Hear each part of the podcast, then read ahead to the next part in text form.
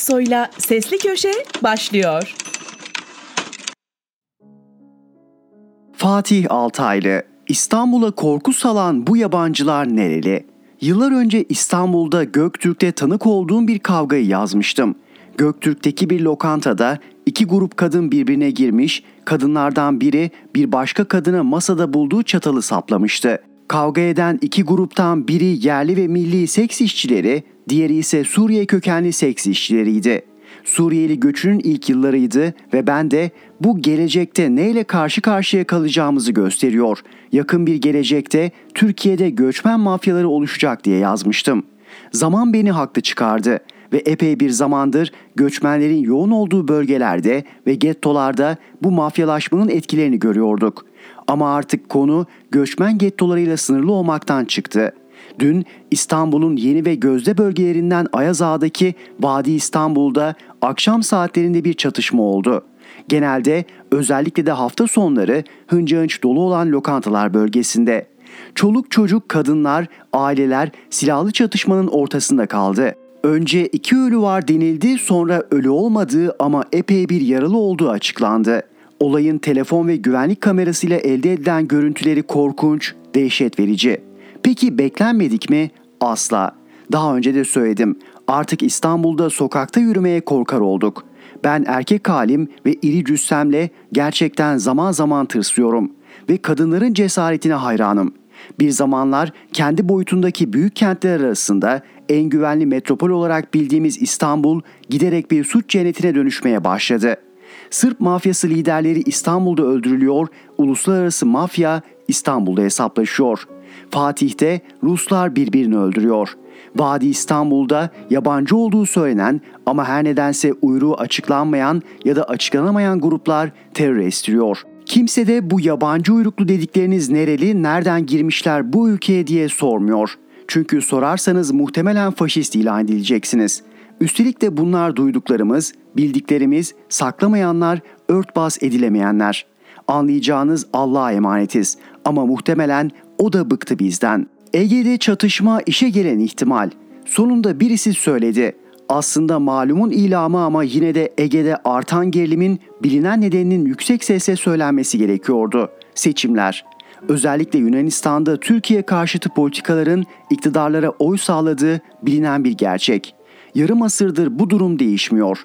Bu o kadar kanıtlanmış bir denklem ki her başı sıkışan bu hesabı yapıyor Yunan politikasında. Miçotakis de bu yoldan gidiyor. İlginç olan bu kez Türkiye'nin de buna destek veriyor olması. Muhtemelen yeni demokrasi ve Miçotakis iktidarı sürdürsün istiyor Türkiye'yi yönetenler. Eskiden de Yunan politikacılar Türkiye karşıtı açıklamalar yapar, Türkiye ise bu hezeyanları duymazdan gelir, güler geçerdi.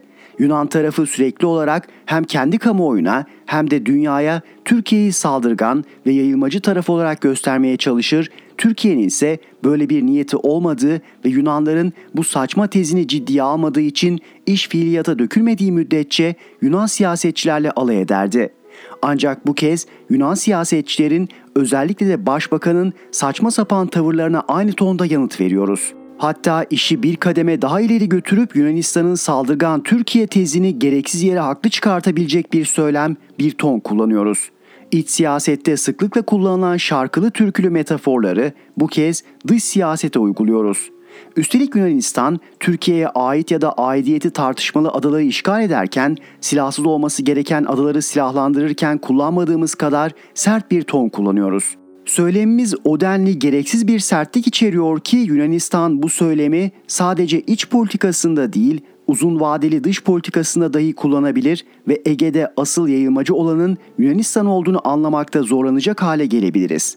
Zaten ABD'den talep edilen F-16'lar Türkiye'nin Ege'de saldırgan tutum içinde olmama şartına bağlanırken bir de bu gereksiz ton Türkiye'nin çok işine yaramayacak kesin.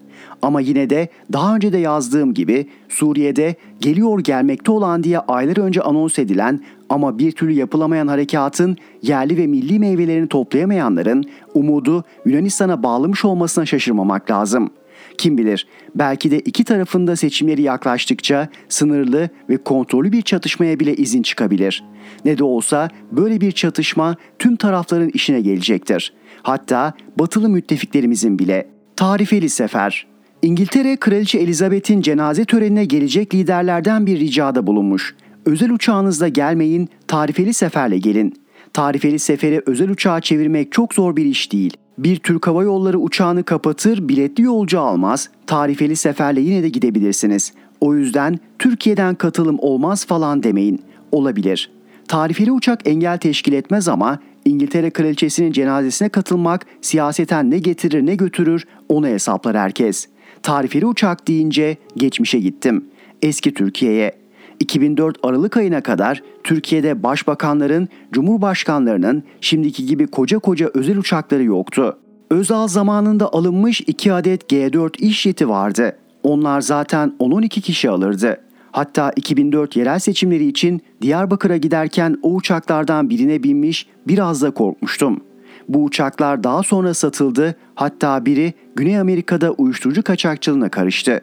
Sonra Berlusconi İtalyan devlet filosundaki bir Airbus 319'u uygun fiyata Türkiye'ye satmış, sonra A330, A340 ve son olarak da Boeing 747 filoya katılmıştı. Genelkurmay'ın kendi Gulfstream'i ayrıca vardı. Devlet filosunda da pek çok G550 ve başka küçük uçaklar var. Artık bakanlarımız bile tarifeli sefere binmiyor. Herkes her yere kendi özel uçağıyla gidiyor. Ama eskiden böyle değildi. Sıklıkla tarifeli bir seferde bir bakan, bırakın bakanı bir başbakanla uçabilirdiniz. Tarifeli seferle uçan başbakan ya da bakanların tek ayrıcalıkları uçakta bir A koltuğunun onlara tahsis edilmesi olurdu. Bu yüzden THY bu koltukları bir bakan ya da başbakan gelme ihtimaline karşı son ana kadar bekletirdi. Bazen başbakan gelecek diye uçağın biraz bekletildiği de olurdu. Diğer yolcular bazen 15-20 dakika, bazen biraz daha uzun uçakta beklemek zorunda kalırdı başbakanların gelmesini. Ve başbakan gecikerek gelince bütün uçak alkışlayarak ve bir yandan da yuhalayarak başbakana ya da bakana tepkisini gösterirdi.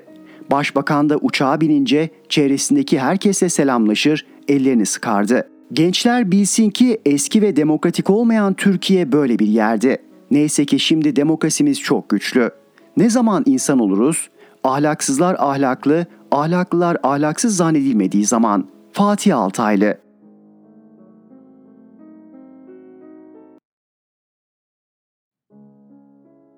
Fikri sağlar. İzmir'in kurtuluşu ülkenin kurtuluşunun müjdesi olacak. Öncelikle İzmir Büyükşehir Belediyesi Başkanı Tunç Soyer'e teşekkür ederek yazıya başlamak istiyorum. İzmir'in kurtuluşunun 100. yılını muhteşem bir törenle kutladı. Bize duygu ve düşünce dolu bir yüzyıl serüveni yaşattı.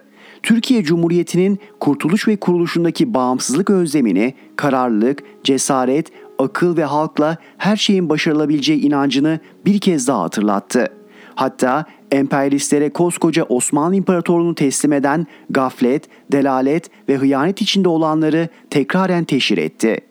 Öyle bir konuşma yaptı ki yanıt vermeye çalışan tescilli Atatürk düşmanlarının şimdi de Kurtuluş Savaşı'nı reddettikleri ortaya çıktı. Bu zavallılar Atatürk ve silah arkadaşları emperyalistlere karşı zafer kazanmasalardı doğmayacaklardı bile.''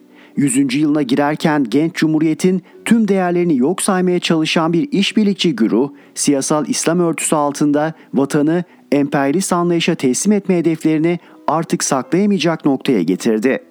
Kuzey Kıbrıs'ta toprak vermeye hazır olduklarını söylemekten Ege Denizi'ndeki 18 adanın silahlanmasına göz yummaya, ortağı olduğumuz ve 2,5 milyar dolar vererek alacağımız F-35'lerdeki hakkımızın yok edilmesinden Doğu Akdeniz'deki enerji sahalarını teslim etmeye varana dek birçok konuyu kendi koltuklarını korumak adına yürüttüklerini biliyoruz.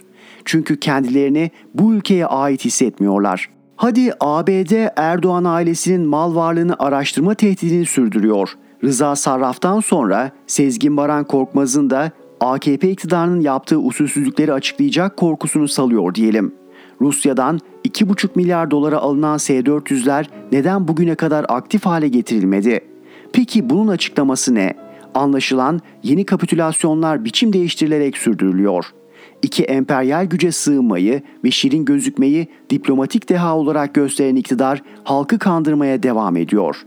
Bu halin gerekçesi nedir? 20 yılı aşkın bir süredir laik, demokratik, sosyal hukuk devletini yok etmeye çalışanlara niye müsaade ediliyor? Nedeni belli. Eğitimsiz, bilgisiz bir toplum haline dönüştürülme çabalarının sonucu. Bazı verilere göz atalım. TÜİK'in resmi internet sitesine göre 2020 yılı itibarıyla Türkiye'nin eğitim durumu şöyle. Okuma yazma bilmeyenler 2 milyon 24 bin 979 kişi. Nüfusun %3'ü. 5 yıllık ilkokul mezunu 17 milyon 579 bin 747 kişi. Nüfusun %21'i. Okuma yazma bilip okul mezunu olmayan 7 milyon 782 bin 603 kişi. Nüfusun %9'u. Diplomasız ilköğretim mezunu 5 milyon 678 bin 694 kişi. Nüfusun %7'si.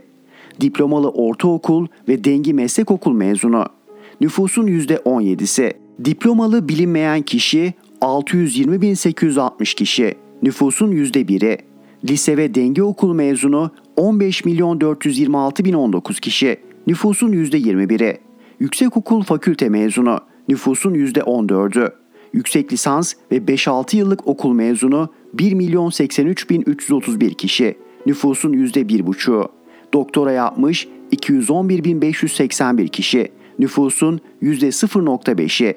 2020 yılında nüfusumuz 82 milyondu. Bu durumda yukarıda TÜİK'in sıraladığı ilk 6 gruba giren kişi sayısı 47 milyon 52 bin 447'dir. 6 yaş grubu olan 8 milyon nüfusu da eklersek 55 milyon insanımızın eğitimsiz olduğunu görürüz. Yani TÜİK'e göre nüfusumuzun %68 eğitimsizdir. Dahası 2021 tarihli Ekonomik İşbirliği ve Kalkınma Örgütü raporuna göre Türkiye'de eğitimin durumu 42 OECD ülkesi içinde sonuncudur. Türkiye'de lisans, yüksek lisans ve doktora düzeyinde eğitim alan yetişkin oranlarının OECD ortalamasının oldukça gerisinde kaldığı görülmektedir. Özellikle yüksek lisans kademesinde. Türkiye'de bu oran %2 iken OECD ortalamasında %13,5'tur. Bir başka acı gerçekse 2021 World University Ranking'in yayınladığı üniversiteler listesinde.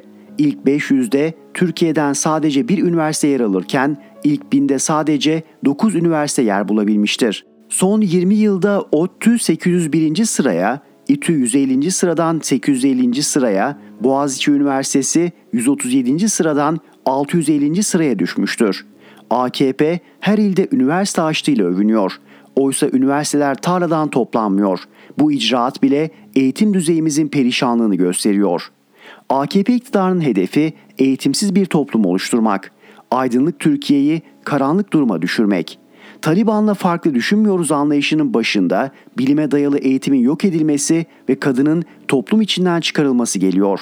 Hatırlayın, cahiller bize oy veriyor diyen kişi eğitim planlaması yapmak için YÖK'e atanmıştı. Dün 2022-2023 eğitim öğretim yılı başladı. İlk ve orta öğretim kurumlarındaki 19 milyon öğrenci ve 1.2 milyon öğretmene yeni ders yılının başarılı geçmesini diliyorum. Ama biliyorum ki çağdaşlık ve moderniteyle çatışması olan, bilimsel değil, dine dayalı bir eğitimi isteyen, dindar ve kindar nesil yetiştirmeye çalışan AKP, bir ülke için en önemli yatırım olan insan yatırımına değer vermeyecek. Biliyorum ki laik demokratik cumhuriyete sahip çıkan, eğitimsiz bırakılarak açlığa mahkum edilen, çocuğuna defter, kalem, kitap alamayacak kadar fakirleşen yurttaşlar sandıkta AKP'ye oy vermeyerek cezalandıracaklar. Fikri sağlar.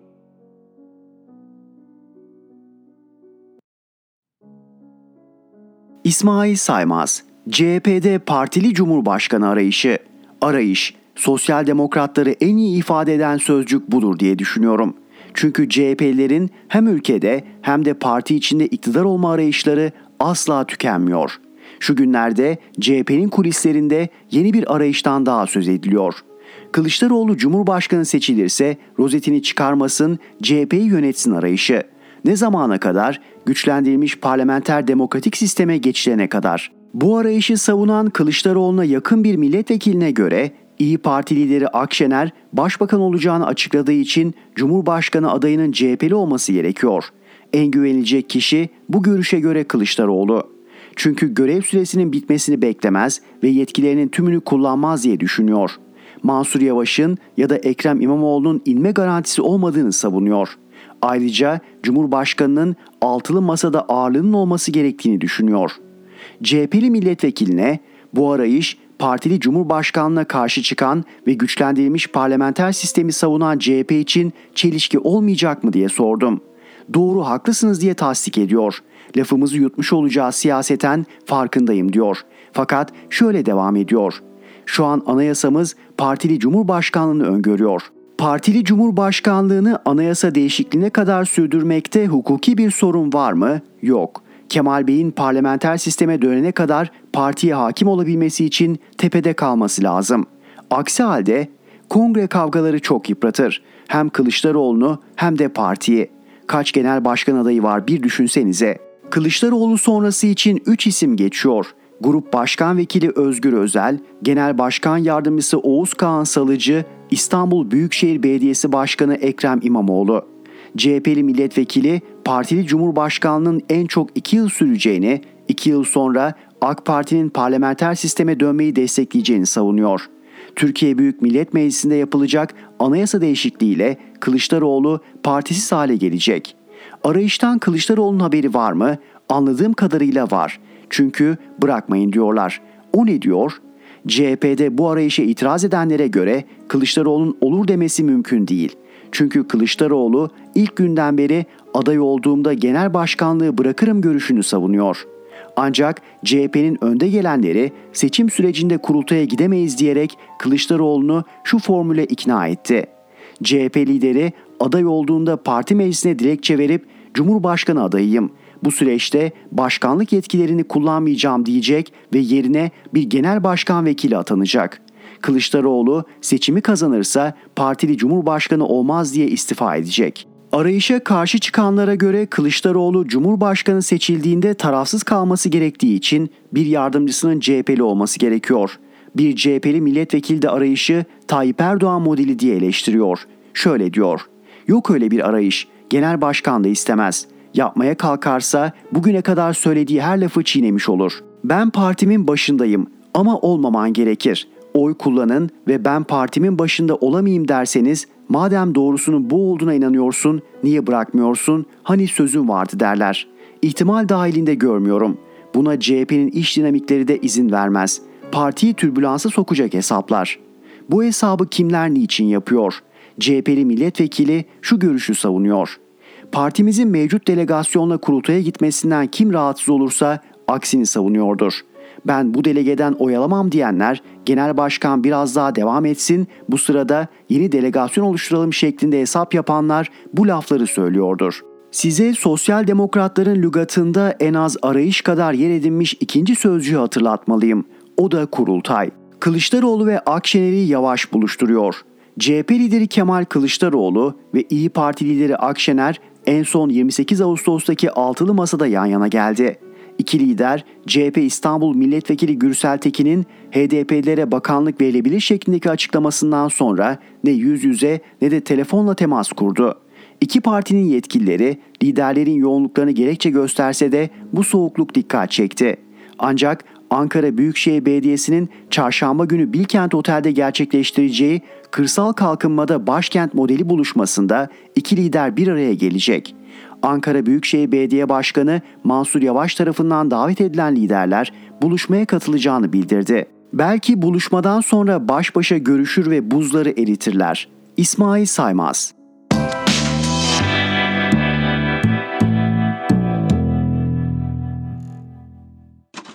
Erhan Gökayaksoy'la Sesli Köşe devam ediyor.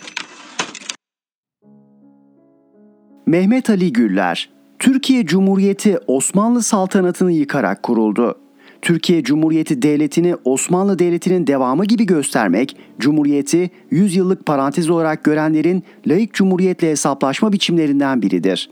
Türkiye Cumhuriyeti elbette Osmanlı'nın pek çok kurumunu miras almıştır.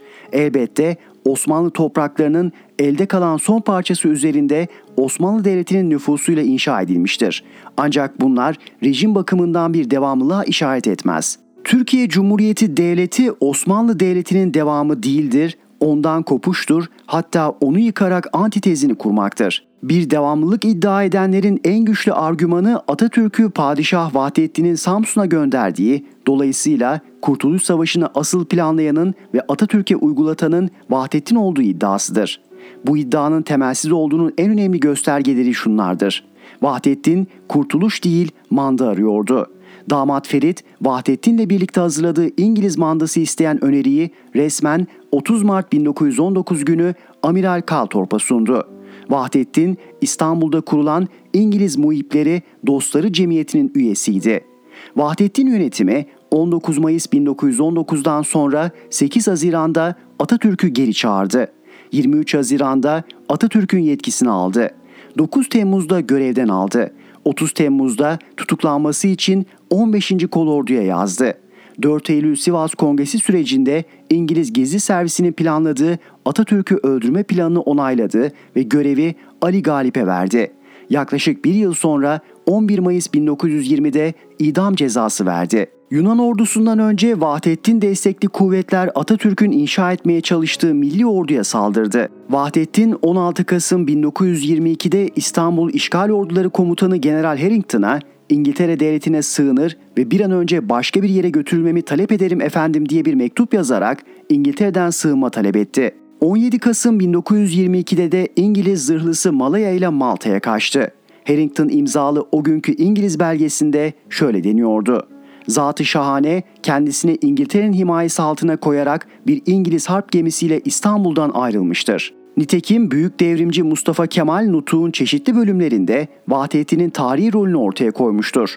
Saltanat ve hilafet mevkiini işgal eden Vahdettin, soysuzlaşmış, şahsını ve yalnız tahtını temin edebileceğini tahayyül ettiği alçakça tedbirler araştırmakta. O zat da devlet riyasetini kirletmekte bulunan hain Vahdettin'di. Sakat bir veraset usulü neticesi olarak büyük büyük bir makam, tantanalı bir unvan elde edebilmiş bir sefilin izzeti nefsi çok yüksek, asil bir milleti nasıl yüz kızartıcı bir vaziyete düşürebileceği. Vahdettin gibi hürriyet ve hayatını milleti içinde tehlikede görebilecek kadar adi bir mahlukun bir dakika dahi olsa bir milletin başında bulunduğunu düşünmek ne hazindir.'' Bu alçak kendisine miras kalan saltanat makamından millet tarafından düşürüldükten sonra alçaklığını tamamlamış bulunuyor. Devamlılık tartışmasına noktayı koyan Atatürk'ün Vahdettin saltanat makamından millet tarafından düşürüldü sözleridir. Böylece egemenlik Osman'ın ailesinden soyundan Türk milletine geçmiştir. Devletler hayatında egemenliğin kime ait olduğu konusu bütün konuların üzerindedir. Türk milleti Kurtuluş Savaşı vererek egemen olmuş, Osmanlı Hanedanı'nın egemenliğine son vermiş ve sonucunda bambaşka bir devlet kurmuştur. Mehmet Ali Güller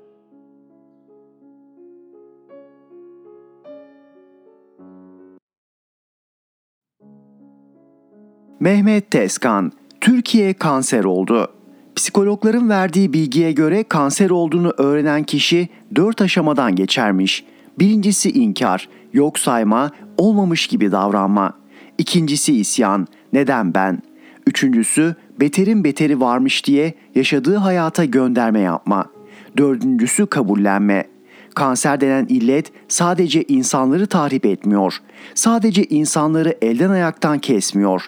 Sadece insanları güçsüz bırakmıyor. Ülkeler de kansere yakalanabiliyor. Liyakatsiz kişilerin aldığı yanlış kararlar nedeniyle ekonomileri felç olabiliyor. Örnek diyeceksiniz.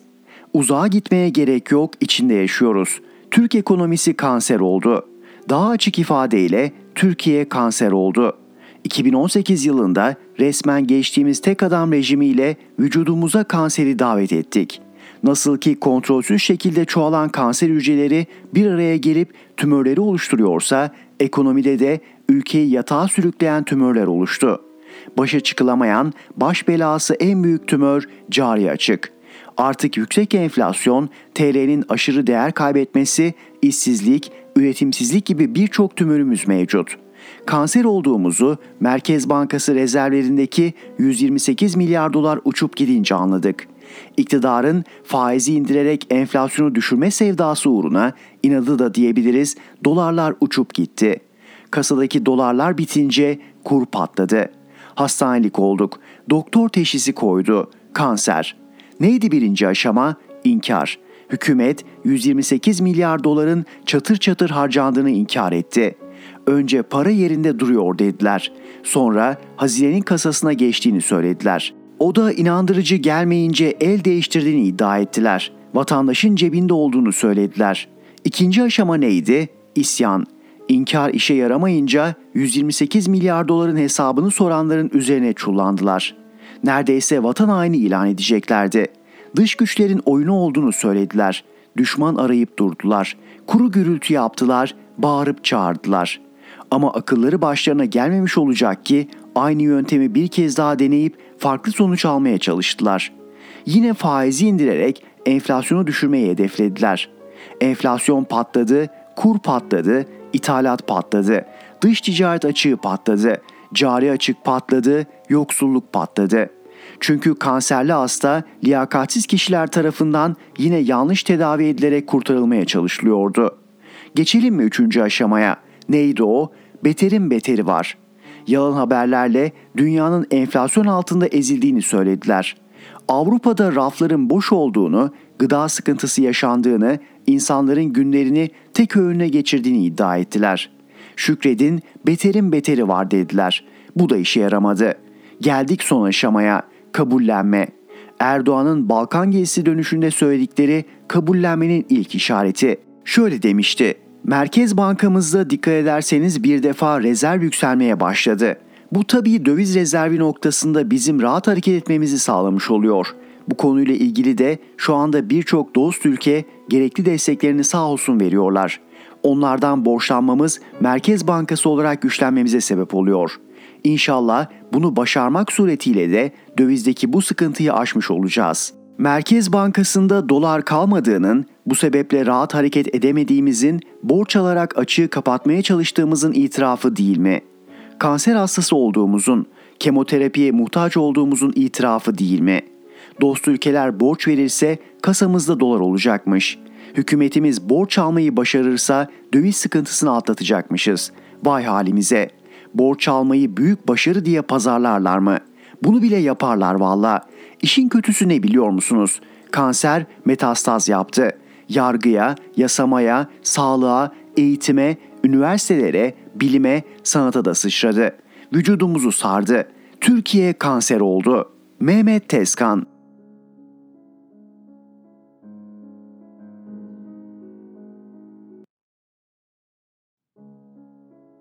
Müyesser Yıldız ABD ordusu için büyük endişe. Bilimum emperyalist güçler bu coğrafyadaki yegane güvencemiz Türk Silahlı Kuvvetlerinden rahatsızdı. Adını askeri vesayet koyup bu vesayeti ortadan kaldırmak için kah reform, kah demokrasi, kah bağırsakları temizleme adı altında TSK'nın kolunu bacağını budamaya başladılar. Bir gördük ki CIA aparatı olan FETÖ TSK'yı ele geçirmiş. 15 Temmuz felaketi yaşandı. Bu defada FETÖ ile mücadele gerekçesiyle aslında yine yıllardır emperyalistlerin ajandasında yer alan reformlar hayata geçirildi. Genelkurmay Başkanlığı'yla kuvvet komutanlıkları Milli Savunma Bakanlığı'na bağlandı. Cumhurbaşkanının gerekli gördüğünde sadece Genelkurmay Başkanı'ndan ve kuvvet komutanlarından değil, bağlılarından doğrudan bilgi alması ve bunlara doğrudan emir vermesi, dahası verilen emrin herhangi bir makamdan onay alınmaksızın derhal yerine getirilmesi kararlaştırıldı. Tayin, terfi ve emeklilere karar veren Yüksek Askeri Şura'da sivillerin hakimiyeti sağlandı. Bir saatlik yaş toplantılarında siyasi yaklaşımlara göre karar alındığı dillendirildi. Teamüllerin alt üst edildiği görüldü. TSK'da yeni tarikat cemaat yapılanmaları çokça konuşulur oldu. Cübbeli Amiral vakası üzerine yetkileri uyaran emekli amiraller hakkında anayasal düzene karşı suç işlemek için anlaşma suçlamasıyla dava bile açılıp kendilerinin 12 yıla kadar hapise cezalandırılmaları istendi. Şunu da ekleyelim. Eski Genelkurmay Başkanı, yeni Türkiye'nin Savunma Bakanı Hulusi Akar her cümlesine Cumhurbaşkanımızın emir ve direktifleriyle diye başlıyor. Normal ama Erdoğan'ın aynı zamanda bir siyasi partinin genel başkanı olduğu unutuluyor. İşte bu ahval ve şerait içinde bir gece Suriye'ye, Yunanistan'a hatta her yere gitmeye hazırlanıyoruz. Bunlara değinmemizin sebebi şu. Yıllardır TSK'nın tümüyle sivil iradeye tabi olmasını isteyen ABD'de geçen hafta 8 eski savunma bakanı ile 5 eski genelkurmay başkanı kamuoyuna sivil kontrol ilkeleri ve sivil asker ilişkilerinin en iyi uygulamaları başlıklı bir açık mektup yayımladı. İmzacılar arasında Bakan Hulusi Akar'ın yakın arkadaşı eski Genelkurmay Başkanı Joseph Dunford da var. Bizim emekli amirallerin Montreux ve Cübbeli Amiral açıklaması gibi Ama ABD makamları, sivil toplum örgütleri ve seçmenler onları henüz darbeci ilan edip haklarında dava açılmasını, rütbelerinin sökülmesini istemiş değil. Mektuba dönersek evvela özetle şu tespitler yapıldı. Son derece zorlu bir kamu asker ortamındayız. Kamu asker ilişkilerini şekillendiren etkenlerin birçoğu son yıllarda aşırı derecede zorlandı. Jeopolitik olarak Irak ve Afganistan'daki savaşların sona ermesi ve büyük güç çatışmasının hızlanması ABD ordusunun kendisine neredeyse denk düzeydeki rakipleriyle daha göz korkutucu bir rekabete hazırlanırken tüm hedefleri tatmin edici bir şekilde gerçekleştirilmeden sona eren savaşlarla uzlaşmak zorunda olduğu anlamına geliyor. Siyasi olarak askeri profesyoneller bir yüzyıldan fazla bir süredir siyasi gücün barışçıl aktarımının kesintiye uğradığı ve şüpheli olduğu ilk seçimle doruğa ulaşan duygusal kutuplaşmanın bölücülüğüyle karakterize edilen son derece olumsuz bir ortamla karşı karşıya. İleriye baktığımızda tüm bu etkenler daha iyi hale gelmeden önce daha da kötüleşebilir. Böyle bir ortamda kamusal ve askeri profesyonellerin sağlıklı Amerikan kamu asker ilişkilerini geçmişte yürüttükleri ve ihtiyatlı ve dikkatli olmaları halinde bugün de sürdürebilecekleri temel ilkeleri ve en iyi uygulamaları gözden geçirmek faydalıdır. Ardından dikkat edilmesi gereken hususlar 16 maddede sıralandı. Bunlardan bazıları şöyle. Ordunun kamusal kontrolü, Amerikan demokrasisinin temelinin sarsılmaz bir parçasıdır. Demokratik proje, kamusal ve askeri liderler ve onların önderliğindeki tabanlar etkin bir kamusal kontrolü benimseyip uyguladıkları sürece güçlü ve sürekli bir ordunun varlığı tarafından tehdit edilmez. Kamunun kontrolü hukukun üstünlüğüyle anayasal bir çerçevede işler. Askeri memurlar bir bireye veya bir makama bağlılık yemini değil, anayasayı desteklemek ve savunmak için yemin ederler. Yemin etseler de etmeseler de tüm siviller de aynı şekilde en yüksek görevleri olarak anayasayı desteklemek ve savunmakla yükümlüdürler. Operasyonel emirler için yürütme organı içinde kamusal yönetim, başkandan sivil olan savunma bakanına ve muharip komutanlara kadar uzanan emir komuta zinciriyle yürütülür. Sivil denetim, yürütme organı içinde politika geliştirme ve uygulama için kurumlar arası süreçle de yürütülür.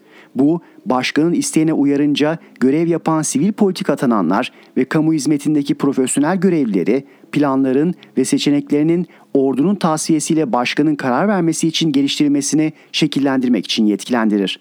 Genelkurmay Başkanı resmi komuta zincirinde değildir. Ancak en iyi uygulama Genelkurmay Başkanı'nı emirler ve politika geliştirme için iletişim zincirinde barındırır. Belirli davalarda veya ihtilaflarda askerin dahil olduğu politikaların emirlerin ve eylemlerin yargısal denetimi yoluyla yargı erki içinde kamusal kontrol uygulanır.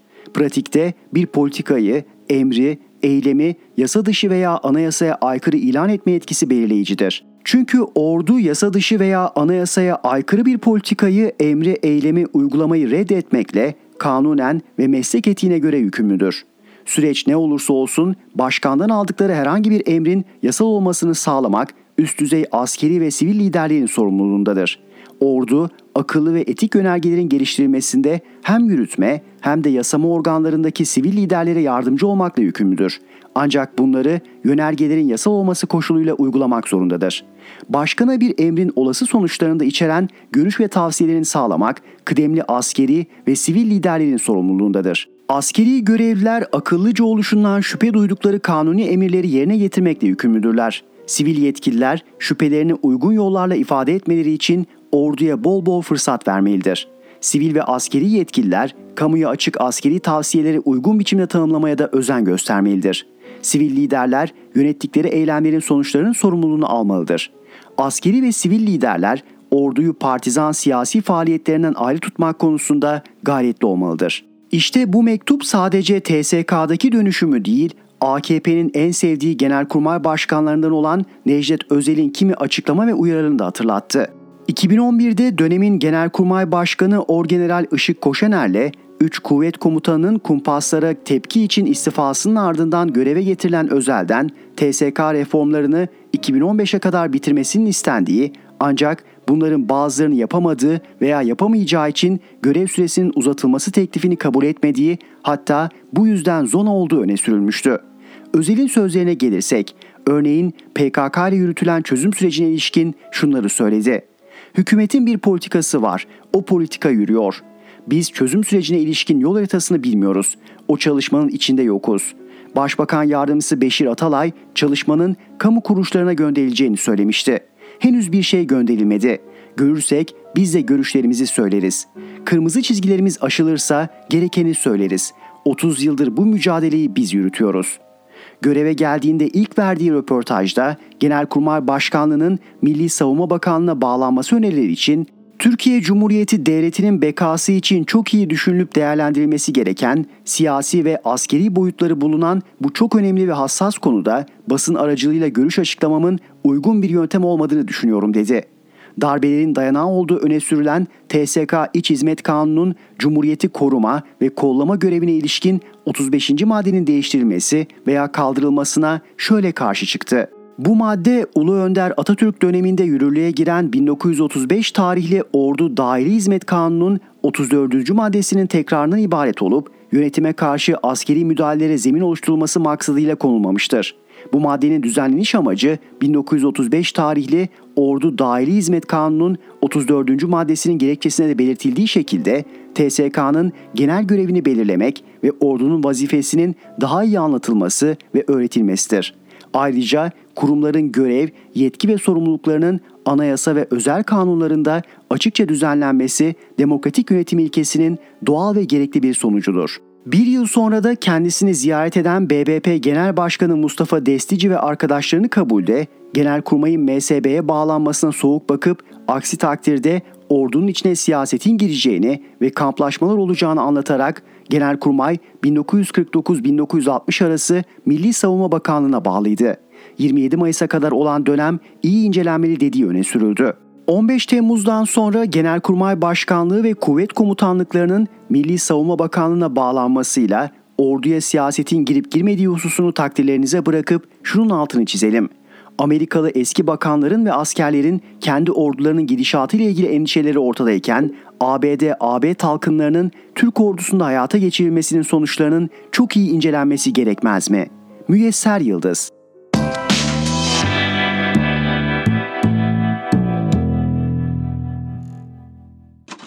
Erhan Gökayaksoy'la Sesli Köşe devam ediyor. Özdemir İnce, üniversite, yurtlar, öğrenciler. Önce kendi hayatımdan iki örnek. Fransız hükümetinin açtığı burs sınavını kazanarak 1965 yılında üniversite öğrencisi statüsüyle Paris'e gittim. Paris banliyösü Antony'deki öğrenci yurdundaki bana ayrılmış odaya yerleştim. Önemsiz bir ücreti vardı. Fransız Kültür Bakanlığı Comte Latremont'un Moldoror'un Şarkıları adlı kitabını Türkçe'ye çevirmem için 1985-86 yıllarında burs verdi. Paris'e gittiğim zaman da Cité Internationale Üniversite de Paris'te odam hazırdı. Bütün dünyada üniversite öğrencilerinin barınması, yeme içmesi üniversitenin kendisi kadar önemlidir. Bildiğim kadarıyla ABD ve İngiltere'de üniversitelerin kampusunda öğrenci yurtları var. Hatırlayalım üniversiteyle ilgili filmlerde okula bitişik yurtlar olduğu görülür. Fransa'da devlet yurtlarında kalmayan ya da kalamayan öğrencilere maddi yardımda bulunulur. Gelelim ülkemize. Yüksek öğrenimi Gazi Eğitim Enstitüsü'nde yaptım. Öğrenim yapılan binada kütüphane, doktor, yatakhane, yemekhane, çamaşırhane, berber, terzi ve ayakkabı boyacısı vardı. Ankara'da Siyasal Bilgiler Fakültesi'nde aynı binada bir yurt vardı.'' Ankara'da üniversite öğrencileri için yeterli öğrenci yurdu vardı. Kiralık evler keseye uygundu. Öğrenciler sokakta kalmazdı. İstanbul, Ankara, İzmir ve Erzurum'da da durum aynıydı. AKP Genel Başkanı Erdoğan iktidarlarında üniversite sayısını 200 bilmem kaça çıkarmakla böbürleniyor. Böbürlensin ama ben de açtığınız üniversitenin yanına neden bir yurt ve yemekhane yaptırılmadığını sorarım öğrencilerin temel gereksinimi olarak bunlar üniversite binasından çok daha önemlidir. Neden yaptırmadınız? Şimdi üniversite öğrencilerinden özür dilemek gerekmez mi? İnternete göre Türkiye'de 75 adet vakıf üniversitesi varmış. Bunların kendi öğrencileri için yurtları var mı? Vakıf üniversiteleri açılırken yurt yapmaları özel koşul olarak istediniz mi? Cihangir'de iki özel üniversite var. Biri eski Alman hastanesi, öteki büyüyecek bir bina. Bunların yurdu var mı? Ama İstanbul'da ve Türkiye'de Zibil gibi özel öğrenci yurdu var. konuk etme ücreti ise dudak uçuklatır. Üniversite açarken, açılmasına izin verirken öğrencilerin barınma ve beslenme gereksinmelerini her şeyden önce düşünmek ve karşılamak gerekmez mi? Ayrıca alt ve üst yapısı yetersiz, kültürel ortamdan yoksun yerlerde üniversite açmak deliliktir. Uygunsuz 4-5 ilde üniversite açmak yerine bu illeri içerecek büyüklükte bölge üniversiteleri açmak daha uygun değil mi? Elbette uygun. Ciddi bir programı olan bir hükümet benim düşündüğümü düşünür, köy okullarını kapatıp bunların yerine üniversite açmaz. Üniversite öğrencileri için yurt açmanın, yapmanın başka olanakları da var. Örneğin büyükşehir belediyeleri yandaşları semirtmek yerine büyük öğrenci yurtları açabilirler. İstanbul Büyükşehir Belediyesi'nin bütün engellemelere karşın açtığı yurtlar örnek alınabilir. Bunun dışında büyük bankalara yurt binası yaptırmaları ya da açmaları tavsiye ve rica edilebilir. Aynı şey büyük holdingler için de söz konusu olabilir. 1950'lerde Ankara'da Koç yurdu vardı. Masraflarını vergiden düşebilirler. Hazırladıkları yurtları ilgili bakanlığa devredebilirler. Ben bu yurtları bankaların ve holdinglerin işletmesinden yanayım. Son olarak devletten büyük milyarlık ihaleler alan müteahhitlerden yurt yaptırmaları olumlu anlamda katkı olarak istenebilir. Bu yöntem kullanılsaydı şu anda ülkemizde en azından 50 adet konforlu öğrenci yurduna sahip olabilirdik. Önemli olan vatana hizmet niyetidir. Öneri, fikir ve tasarılarım bedavadır. Parayla satılmaz. Özdemir İnce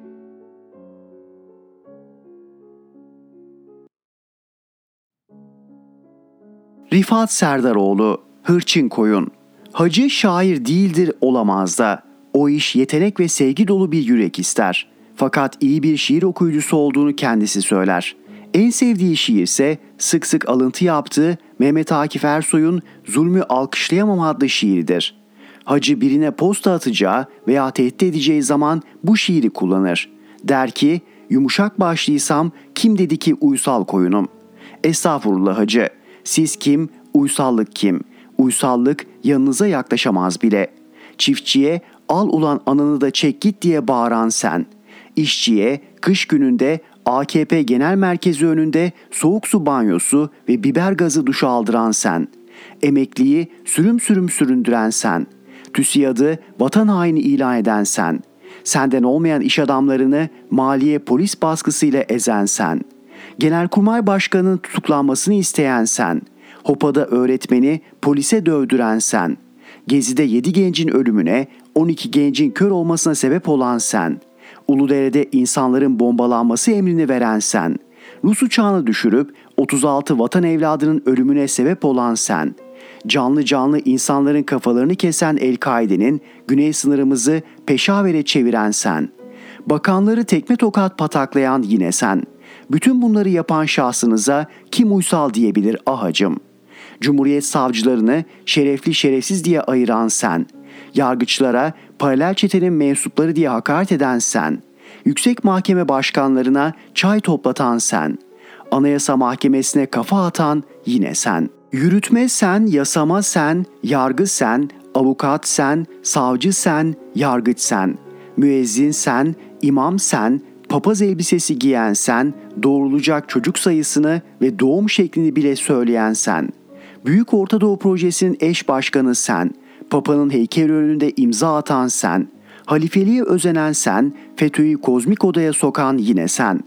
Türk İslam dünyasının koftiden lideri olan sen, Tunus'a, Trablus'a, Kahire'ye, Şam'a, Bağdat'a, Gazze'ye giremeyen yine sen.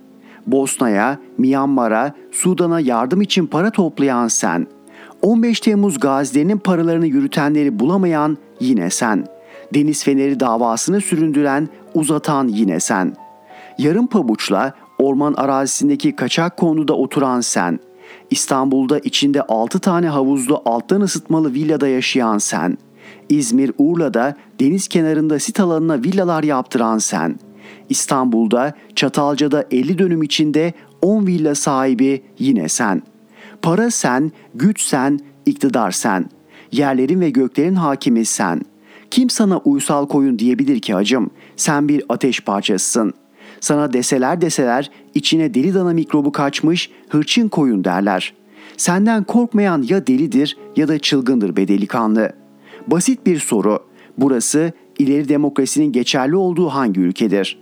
Bilene bir adet uysal koyun armağan edilecektir. Tablet var, Twitter yasak. Sınav var, soruları çalmamak yasak. Sandık var, demokrasi yasak. Hırsız var, hırsız var demek, yakalamak yasak. Mahkemeler var, kararlarına uymak yasak. Polis var, yakalaması yasak. Ordu var, kışladan çıkmak yasak. Teröristleri var, yakalamak yasak. Bayrak var, asmak yasak. Dili var, konuşmak yasak. Milli andı var, okumak yasak. Şehitleri var, anmak yasak. Milletin adı var, ne mutlu Türk'üm diyene demek yasak. Neresi burası yahu? Rifat Serdaroğlu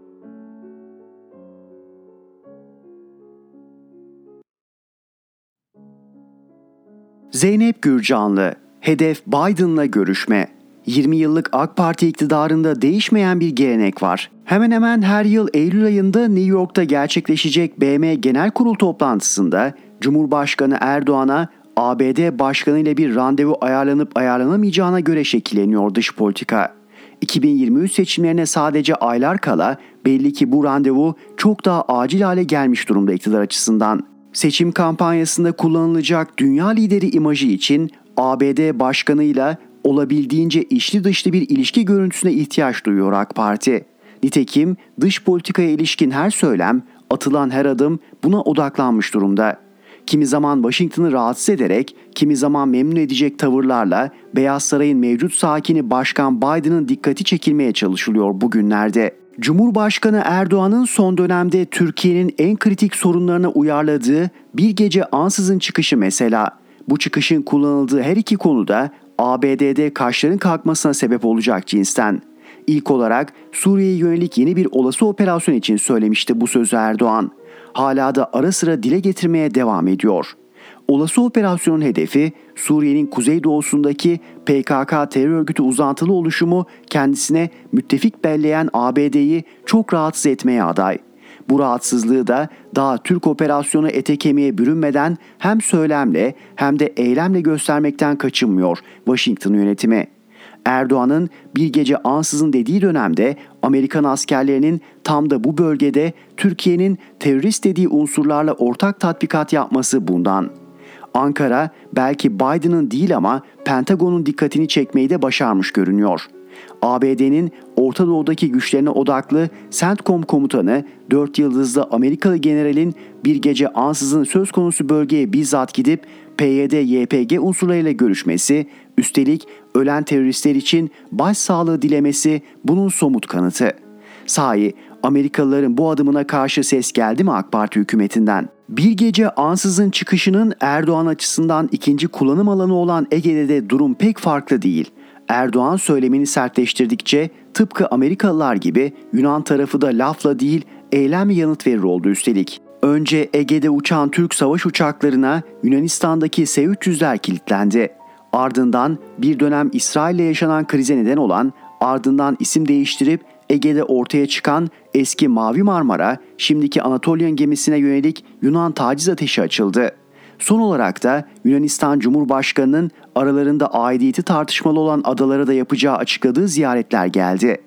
Bir gece ansızın diyen Ankara'nın tüm bu Yunan tavırlarına verdiği karşılıksa Erdoğan'ın Türkiye Yunanistan'ın dengi ve muhatabı değildir çıkışıyla NATO'ya yazılan Atina'yı şikayet mektupları oldu. Ege'de de belli ki ABD'nin dikkatini çekmek için sarf edilen şarkı sözlerinin ardından kazançlı çıkan, Türkiye'yi saldırgan gösterip kendi saldırgan eylemlerini perdelemeyi başaran Atina yönetimi oldu. Dolaylı eylemler pek etki yaratmayınca bu kez Washington'ın doğrudan ilgisini talep eden çıkışlar gelmeye başladı Ankara'dan. Erdoğan tam da Şangay İşbirliği Örgütü toplantısına katılacağı, burada Rus lider Putin'le de görüşmesinin beklendiği dönemde savaş uçakları satan tek ülke ABD değil çıkışı yaptı.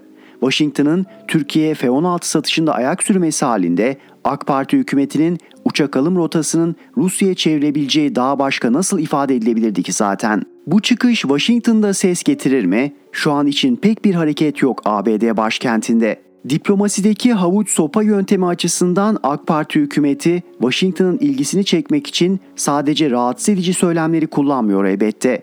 İşin havuç kısmında da ABD'nin yıllardır Türkiye'ye yönelik Ermenistan'la barışın telkinlerine çakılan bir selam söz konusu olabilir. Erdoğan'ın Semerkant'ta katılacağı Şangay İşbirliği Örgütü'nün zirvesine davetli isimlerden biri de Ermenistan Başbakanı Paşinyan.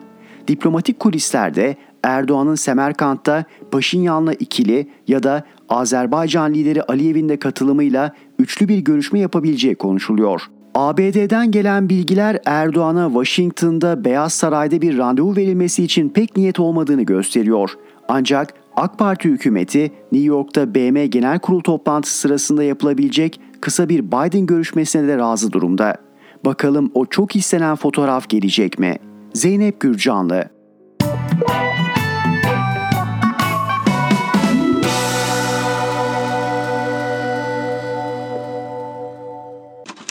Erhan Gökayaksoy'la Sesli Köşe sona erdi.